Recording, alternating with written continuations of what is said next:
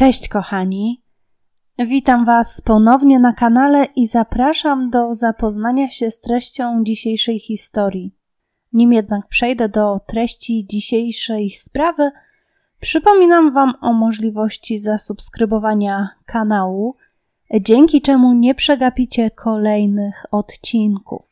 Zerknijcie też na mojego Instagrama, bo tam jest Was dużo mniej niż na Facebooku. Zapraszam serdecznie. A teraz zachęcam już do wysłuchania dzisiejszej historii.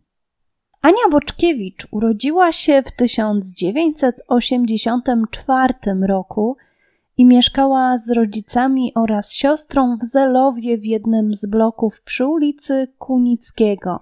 Dzisiaj ulica ta nosi imię Witolda Pileckiego. Szczęśliwe dzieciństwo Ani zostało przerwane niewyobrażalną tragedią, ponieważ w 1995 roku, gdy Ania miała zaledwie 11 lat, jej tata zginął w wypadku samochodowym. Mama Ani musiała więc podjąć się samodzielnej opieki nad dziećmi, co z pewnością nie było dla niej łatwe. Ania miała bardzo wiele zainteresowań, począwszy od filatelistyki, poprzez literaturę, aż po sztuki plastyczne. Nastolatka nie chodziła na dyskoteki i mnóstwo czasu spędzała ze swoją siostrą. Nie miała też chłopaka, była domatorką. Po ukończeniu szkoły podstawowej w Zelowie we wrześniu 1999 roku Anna Boczkiewicz podjęła naukę w liceum ekonomicznym przy Zespole Szkół Zawodowych w Bełchatowie. Jej wychowawczyni mówiła o niej, że Ania była ambitną i pracowitą uczennicą. Nie sprawiała żadnych problemów wychowawczych, należała do jednych z najlepszych uczennic w klasie, była bardzo rozsądna i ostrożna w nawiązywaniu nowych znajomości. Określano ją również jako osobę niezwykle małomówną, nieśmiałą, skrytą i spokojną. Każdego dnia nastolatka dojeżdżała do szkoły autobusem. Z uwagi na ograniczoną ilość miejsca w szkole, a dużą liczbę uczniów, zdecydowano, że uczniowie będą na zajęcia przychodzili na zmianę i część uczniów będzie miała lekcje rano, a część po południu. 8 marca 2000 roku klasa Ani rozpoczynała zajęcia dopiero o godzinie 12.45. Anna Boczkiewicz pojawiła się na lekcjach punktualnie. Tego dnia przypadała środa popielcowa. Był to też Międzynarodowy Dzień Kobiet, dlatego dziewczęta otrzymały tego dnia od chłopców z klasy drobne upominki i były to breloczki z małymi maskotkami. Wiemy, że Ania otrzymała misia koale. Jej klasa skończyła tego dnia zajęcia o godzinie 17.45. Autobus powrotny do miejscowości, w której mieszkała nastolatka, odjeżdżał z przystanku oddalonego o kilkaset metrów od jej szkoły o godzinie 18.17. Po lekcjach Ania spędziła jeszcze kilka minut w szatni ze swoimi koleżankami z klasy mieszkającymi w Bełchatowie. Następnie te koleżanki odprowadziły ją na przystanek, ponieważ mieszkały w jego pobliżu. O godzinie 18.05 dziewczęta rozstały się naprzeciwko przystanku. Ania przeszła na drugą stronę ulicy. Na dworze było już wówczas ciemno. Tego dnia pogoda była okropna. Padał deszcz, było zimno, wiał wiatr. Koleżanki Ani zaproponowały, że poczekają z nią na autobus, ale ona powiedziała, że sobie poradzi. Nastolatki pożegnały się.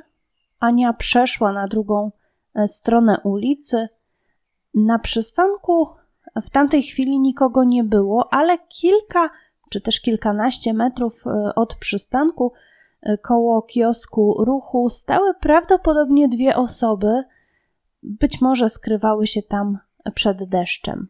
Ania miała 12 minut do planowego odjazdu autobusu jadącego do Zelowa. Niewiele, choć jak na taką późną porę i okropną pogodę, czekanie z pewnością nie zapowiadało się szczególnie przyjemnie. O godzinie 18.17, zgodnie z rozkładem jazdy, na przystanku pojawił się autobus. Jednym z pasażerów, który wsiadł do tego autobusu, był Bartek z Zelowa, rówieśnik Ani. Ania i Bartek znali się ze szkoły podstawowej, chodzili jednak do innych liceów w Bełchatowie. Bartek w ostatniej chwili tamtego dnia dobiegł na przystanek, dosłownie w chwili, kiedy autobus akurat podjeżdżał, kiedy zatrzymywał się na przystanku. Bartek zdążył, w ostatniej chwili wskoczył do autobusu. Wewnątrz rozejrzał się, ale nigdzie nie widział Ani, choć wcześniej tego dnia umawiali się, że będą wracali tym samym kursem razem. Na następnym przystanku do pojazdu wsiadły również inne koleżanki Ani. One również potwierdziły, że dziewczyny wówczas w autobusie nie było. Ania zniknęła z przystanku autobusowego w ciągu zaledwie 12 minut. Tego dnia Ania Boczkiewicz nie pojawiła się w domu. Jej zaniepokojona mama zaczęła się bardzo martwić, kiedy o godzinie 19 Ania nie wróciła ze szkoły. Nigdy wcześniej nie spóźniała się, była bardzo pilna, nie sprawiała żadnych problemów i zawsze wracała po szkole prosto do domu. Pani Boczkiewicz zadzwoniła więc do koleżanek córki i pytała, czy widziały ją po lekcjach, czy wiedzą, gdzie może przebywać Ania. Z jednej strony mama miała nadzieję, że dzwoniąc do jej koleżanek wreszcie zlokalizuje miejsce pobytu Anny. Z drugiej jednak strony obawiała się, że mogło stać się coś bardzo złego, ponieważ mm, takie zachowanie było zupełnie niepodobne do jej córki. Kiedy okazało się, że żadna z koleżanek, żaden z kolegów nie wie, gdzie może przebywać Ania, Mama zatelefonowała również do szpitali, by sprawdzić, czy córka nie brała na przykład udziału w jakimś wypadku. Niestety i tym razem niczego się nie dowiedziała, ani po prostu nigdzie nie było. Następnego dnia, w czwartek 9 marca 2000 roku, Anna Boczkiewicz nie pojawiła się w szkole na lekcjach i dopiero tego dnia wieczorem o godzinie 21.40 mama Ani zgłosiła jej zaginięcie, powiadamiając o tym fakcie policję. Przez kolejnych kilka dni przesłuchiwano znajomych Ani oraz innych potencjalnych świadków. Sprawdzano również lasy oraz zbiorniki wodne na trasie między Bełchatowem a Zelowem. W lokalnych mediach pojawiły się komunikaty o zaginięciu nastolatki. W Bełchatowie i w okolicy rozklejono kilka tysięcy plakatów ze zdjęciem szesnastolatki. Opis dziewczyny brzmiał następująco. Anna Boczkiewicz ma 1,70 m wzrostu, długie włosy, proste, ciemne. W dniu zaginięcia miała na sobie sztruksową granatową kurtkę czarne dżinsy oraz czarne buty sportowe. Zakładano, że Ania dobrowolnie wsiadła do pojazdu kogoś, kogo znała, bo nie wsiadłaby do pojazdu kogoś obcego, lub została uprowadzona i siłą wciągnięta do samochodu. Po kilku dniach policja otrzymała informację, że Ania mogła być widziana w kilku miejscach, Wszystkie te doniesienia były na bieżąco dokładnie sprawdzane i weryfikowane. Nastolatki nie było w żadnym ze wskazanych miejsc. Wszystkie te informacje okazały się po prostu fałszywe. Dokładnie miesiąc od dnia, kiedy Anię widziano po raz ostatni, 8 kwietnia 2000 roku, w pobliżu wsi Smugi, 15 km na południowy zachód od Bełchatowa, Trzej wędkarze znaleźli w rzece widawce zwłoki młodej kobiety. natychmiast o swoim odkryciu poinformowali policję. Szybko okazało się, że jest to ciało zaginionej szesnastoletniej Anny Boczkiewicz. Miejscowość Smugi, jak wspomniałam, znajduje się na południowy zachód od Bełchatowa, podczas gdy Zelów, z którego pochodziła Ania, był położony na północ od miasta, czyli w zupełnie przeciwnym kierunku. Ciało nastolatki leżało na brzuchu, twarz Ani zanurzona była we wodzie. Ciało było jednak e, tylko częściowo zanurzone. Głowa, ręce oraz część tułowia znajdowały się pod wodą, natomiast jej nogi wystawały na brzegu rzeki. Przyczyną śmierci dziewczyny było uduszenie. Miała również złamany nos. Poza tym na jej ciele nie stwierdzono żadnych innych obrażeń. Sprawca udusił Anię sznurkiem z jej kurtki. Zbrodnia została popełniona na tle seksualnym, ale do dziś nie jest znane miejsce zbrodni, ponieważ w okolicy miejsca porzucenia zwłok nie było żadnych śladów walki. Całkowicie wykluczono to, że do zbrodni mogło dojść w okolicy miejsca porzucenia zwłok. Zakłada się, że ciało zostało w tym miejscu po prostu podrzucone już po śmierci nastolatki. Śledczy mieli znacznie utrudnione zadanie w tej sprawie, ponieważ woda zmyła wiele śladów. Przy zwłokach ani nie znaleziono jej plecaka z książkami, z dokumentami, nie znaleziono jej biletu miesięcznego, ani też breloczka z misiem koala, którego dziewczyna otrzymała w podarunku z okazji Dnia Kobiet. Cztery dni po odnalezieniu ciała zamordowanej dziewczyny w Bełchatowie zorganizowany został Marsz Milczenia przeciwko przemocy. Był to protest zorganizowany przez bełchatowską młodzież. Domagali się oni od władz miasta zapewnienia ludziom większego bezpieczeństwa. Uważali, że niedopuszczalnym jest, by młodzież kończyła zajęcia o tak późnej porze i wracała do domu, kiedy na dworze było już w zasadzie zupełnie ciemno. Uważali, że jest to bardzo niebezpieczne i żądali natychmiastowych zmian w tym zakresie. Policjanci przesłuchali mnóstwo osób. Udało się dotrzeć między innymi do wędkarzy, którzy zeznali, że 4 kwietnia 2000 roku, czyli na 4 dni przed odnalezieniem ciała ani w okolicy miejsca odkrycia jej zwłok widzieli pewnego mężczyznę i twierdzili, że zachowywał się dziwnie. No niestety źródła nie podają tego, co znaczy, że zachowywał się dziwnie. Po apelach w mediach zgłosiły się również osoby, które w dniu zaginięcia Ani stały koło kiosku w pobliżu przystanku autobusowego, na którym czekała Ania. Według ich zeznań na przystanek autobusowy, na którym czekała Ania, podjechał samochód i najprawdopodobniej był to czerwony Volkswagen Jetta. Kierowca pojazdu został przez świadka opisany następująco.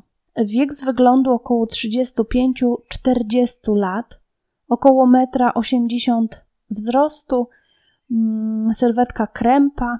Mężczyzna może mieć brodę i wąsy, mógł je również zgolić lub mieć po prostu tylko wąsy. Zastanawia mnie tylko jedna drobna rzecz. Na jakiej podstawie określono tutaj jego wzrost? E, nie ma takiej informacji, właśnie, czy mężczyzna ten wysiadł z pojazdu. No nie wiem, na jakiej podstawie określono ten wzrost. Mm, w każdym razie stworzono dwa portrety pamięciowe i one cały czas e, pokazują się Wam tutaj na ekranie. Być może rozpoznajecie tego mężczyznę. W tej sprawie brano pod uwagę również, że Ania mogła paść ofiarą seryjnego mordercy. Przypuszczano, że za zabójstwem Ani stoi człowiek, który mógł stać też za śmiercią innych młodych kobiet w okolicy na przestrzeni kilkudziesięciu lat. Tego człowieka określano jako rolnika, wówczas mógł mieć około 30 lat i on mógł być również związany z zabójstwami dziewcząt e, na Pomorzu. Osobiście uważam, że w przypadku Ani jest to naprawdę bardzo mało prawdopodobne, że ona padła ofiarą jakiegoś przypadkowego sprawcy. Dziewczyna miała zaledwie 12 minut do autobusu i nie wydaje mi się, że ryzykowałaby podróż po zmroku z zupełnie przypadkową osobą, skoro jej autobus miał jechać dosłownie lada moment. Wydaje mi się, że na przystanku zatrzymał się być może ktoś, kogo znała, kto też wzbudzał jej zaufanie i prawdopodobnie był to jakiś mężczyzna, na przykład z Zelowa lub z okolicy tej miejscowości, kto powiedział jej, że podwiezie ją pod sam dom, by nie musiała później iść e, z przystanku do domu. Ania nie, nie została przecież do pojazdu wciągnięta siłą, jak zeznali świadkowie, tylko po prostu wsiadła z własnej woli. W tej sprawie oficjalnie wiadomo o co najmniej jednym podejrzanym. Być może policja miała ich więcej, ale o jednym informacja pojawiła się w mediach. Był to niejaki Marek R. Mężczyzna został zatrzymany przez policję i przesłuchany. Twierdził, że nie ma nic wspólnego z zabójstwem ani na czas jej zabójstwa podał alibi. Powiedział, że pił wówczas e, z kolegą wódkę, ale w rozmowie ze śledczymi e, ten kolega nie potwierdził alibi. Nie wiadomo na jakiej podstawie mężczyzna ten został zatrzymany, czy on znał Anię, kim on jest, skąd w ogóle pochodził. Wiadomo, że na pewno był wcześniej karany i wyszedł z zakładu karnego w 1999 roku, no ale znowu, no, nie wiadomo za jakie czyny był karany, ile czasu spędził e, w więzieniu. Obecnie mężczyzna ten nie żyje, popełnił on samobójstwo w celi aresztu śledczego. Śledztwo w sprawie zabójstwa Ani Boczkiewicz zostało umorzone 10 października 2000 roku wobec niewykrycia sprawcy zabójstwa. W miejscu znalezienia ciała Ani jej rodzina postawiła krzyż, by upamiętnić, że właśnie tam odnaleziono jej ciało. Sprawa zabójstwa Anny Boczkiewicz nadal pozostaje nierozwiązana. Jeśli ktoś z Was wie, kto może stać za śmiercią szesnastolatki, może rozpoznajecie osobę z portretu pamięciowego, bardzo proszę o kontakt z policją, o przekazanie pomocnych informacji. Możecie oczywiście napisać również do mnie na Instagramie, na Facebooku, czy też wysłać maila. E, wszystkie otrzymane od Was wskazówki zostaną przekazane policji. I to już wszystko w tej sprawie. Bardzo Wam dziękuję za wysłuchanie kolejnego odcinka. Trzymajcie się ciepło i uważajcie na siebie. Cześć!